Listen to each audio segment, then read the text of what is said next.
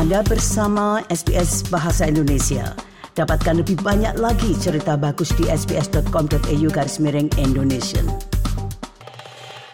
Para pendengar Nusa Tenggara Timur lama dikenal sebagai provinsi miskin yang mengalami banyak persoalan termasuk salah satunya di bidang pangan.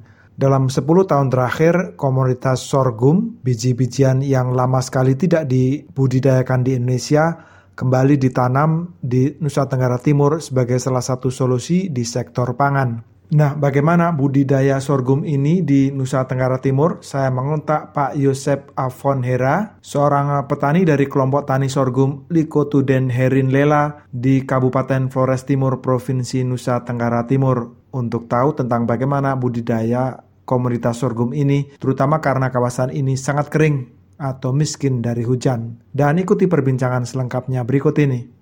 Oh, selamat siang, Pak Nuradi. Selamat siang, Pak. Terima kasih sekali waktunya.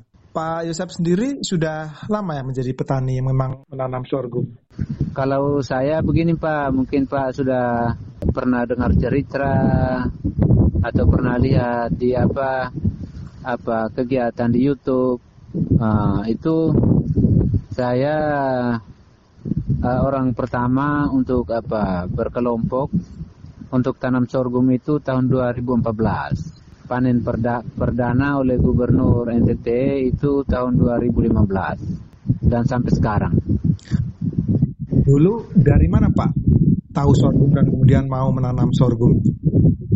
Itu kita itu lewat ini Pak, lewat lembaga Yas Pensel itu dari keuskupan hingga diutus oleh uh, Bapak Uskup itu salah satu pastor yaitu Romo Benya, Benyamin Daud. Lalu dari yayasan itu Ibu Maria Loretta. Itu memperkenalkan untuk sorghum ini di kampung kami, Pak. Berarti sudah sekitar 10 tahun kalau bertahan berarti hasilnya bagus ya, Pak? Ya, memang hasilnya terus bagus, Pak selalu bagus. Ini dipilih karena memang cocok untuk lahan di situ atau bagaimana Pak Yosef? Uh, ini uh, memang kebetulan sekali untuk lahan di sini Flores Timur khususnya di kampung Likotuden ini memang sangat cocok karena yang pertama curah hujan itu kurang dan sangat tidak menentu sehingga sebelum sebelumnya itu kita mengalami gagal panen jagung, padi dan jagung, Pak. Kalau gagal panen itu total. Sehingga mulai tahun 2014 kita diperkenalkan sorghum. Pada awalnya itu masyarakat tolak semua, Pak. Kita hanya bentuk kelompok itu 11 orang. Ternyata tahun itu juga gagal panen untuk padi padi dan jagung. Tetapi sorghum, ai, sangat luar biasa ternyata dia tahan panas. Semakin hujan semakin kurang, dia semakin bagus, semakin subur. Sehingga mulai dari situ akhirnya ya hampir 100% masyarakat sini tanam sorghum semua, Pak. Sepanjang tahun ini ditanam atau ada berganti dengan tanaman lain, Pak? Kita di sini rata-rata setiap petani memiliki 2 sampai 3 kebun setiap petani. Nah, sehingga satu lahan lahan itu khusus untuk tanam sorghum. Tetapi kalau saya punya itu lima tahun terakhir ini itu tanamannya sorghum saja.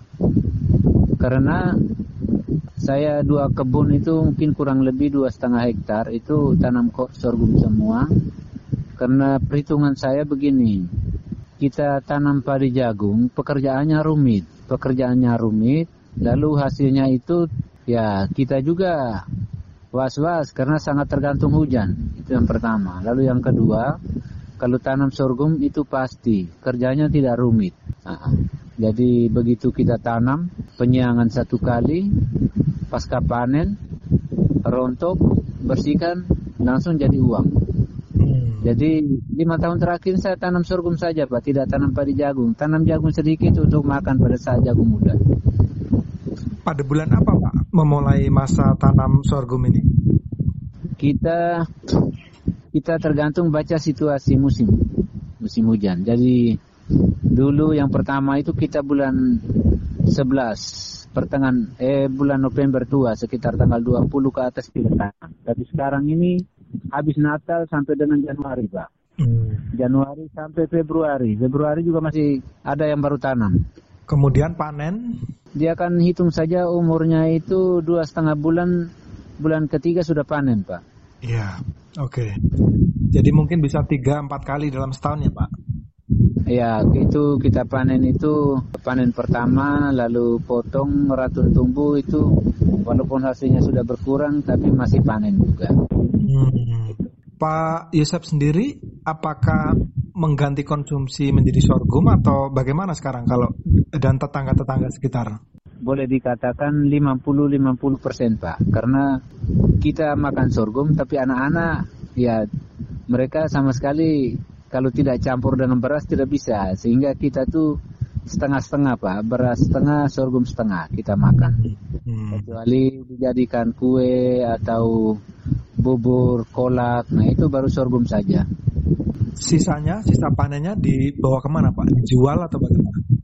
Kita kita yang utama itu ya mungkin sekitar 70-30 lah. 30 itu untuk makan, 70 itu dijadikan uang untuk biaya anak sekolah dan lain-lain, Pak. Melihat hasilnya kalau dibanding dulu ketika padi dan jagung, bagaimana, Pak? Oi, jauh sekali Pak perbedaannya, perbandingannya. Kalau padi jagung itu cukup makan Pak, tidak bisa jual, tidak bisa jadi uang. Tapi sorghum kita jual, ya bisa beli beras, juga lebihnya sangat banyak untuk kita untuk keperluan yang lain-lain. Kalau padi jagung sama sekali tidak hanya khusus makan saja. Kita cari uang dari sumber yang lain. Dukungan pemerintah bagaimana Pak? Ya dukungan pemerintah sangat luar biasa karena terbukti di sini itu semua jenis peralatan mesin itu bantuan dari pemerintah semua, pemerintah pusat, kementerian. Kalau yang diharapkan petani sorghum terkait kebijakan pemerintah apa Pak sekarang ini? Nah, sekarang ini ya yang sangat diharapkan itu uh, yang pertama itu produksinya sudah lancar dan kualitasnya tetap terjaga aman sehingga sangat diharapkan itu harga tidak bisa tidak bisa berkurang karena kami di sini Memang terus terang Pak, khusus kami di sini harganya sangat sangat mahal karena lodongan saja sepuluh ribu Pak hmm. beli tempat. Karena kita selama ini uh, ditawarkan dari lembaga atau pemerintah untuk menggunakan pupuk, kami sama sekali kami menolak, kami tidak bisa terima.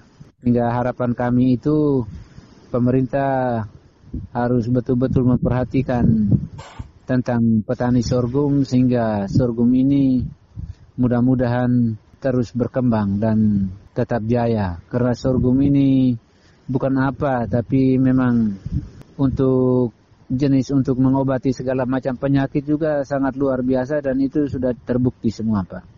Iya. Permintaan dari luar daerah sudah ada Pak? Oh selalu Pak, selama ini selalu. Ke mana saja pengiriman ini? Setahu Bapak? Uh, biasanya, biasanya itu ya biasanya lewat LSM juga itu eh, Jakarta, Bali dan juga ya kalau dari pemerintah itu eh, Kupang lalu untuk menjadi ambil tetap itu beli tetap itu dari lembaga pendamping yaitu ya Spensel. Hmm, gereja tadi ya? Iya gereja. Uh, terakhir Pak, kalau menyangkut rasa sebenarnya bagaimana sih dibanding misalnya uh, jagung atau beras begitu? Sorghum itu rasanya seperti bagaimana ya? Dia kan kalau ya kurang lebih macam jagung gitu pak, macam jagung. Hanya kalau sorghum ini kalau diolah itu jauh lebih baik daripada padi dan jagung. Karena sorghum ini kalau diolah itu dia sangat enak begitu.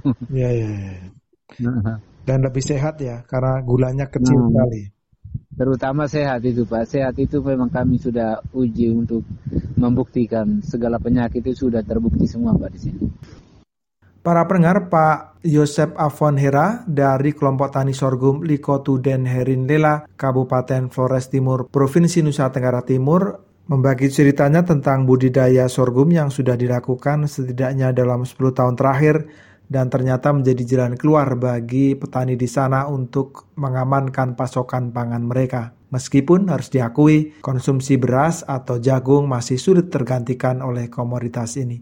Terima kasih dan sampai jumpa kembali. Sukai, berbagi, komentar. Ikuti SBS program Bahasa Indonesia di Facebook.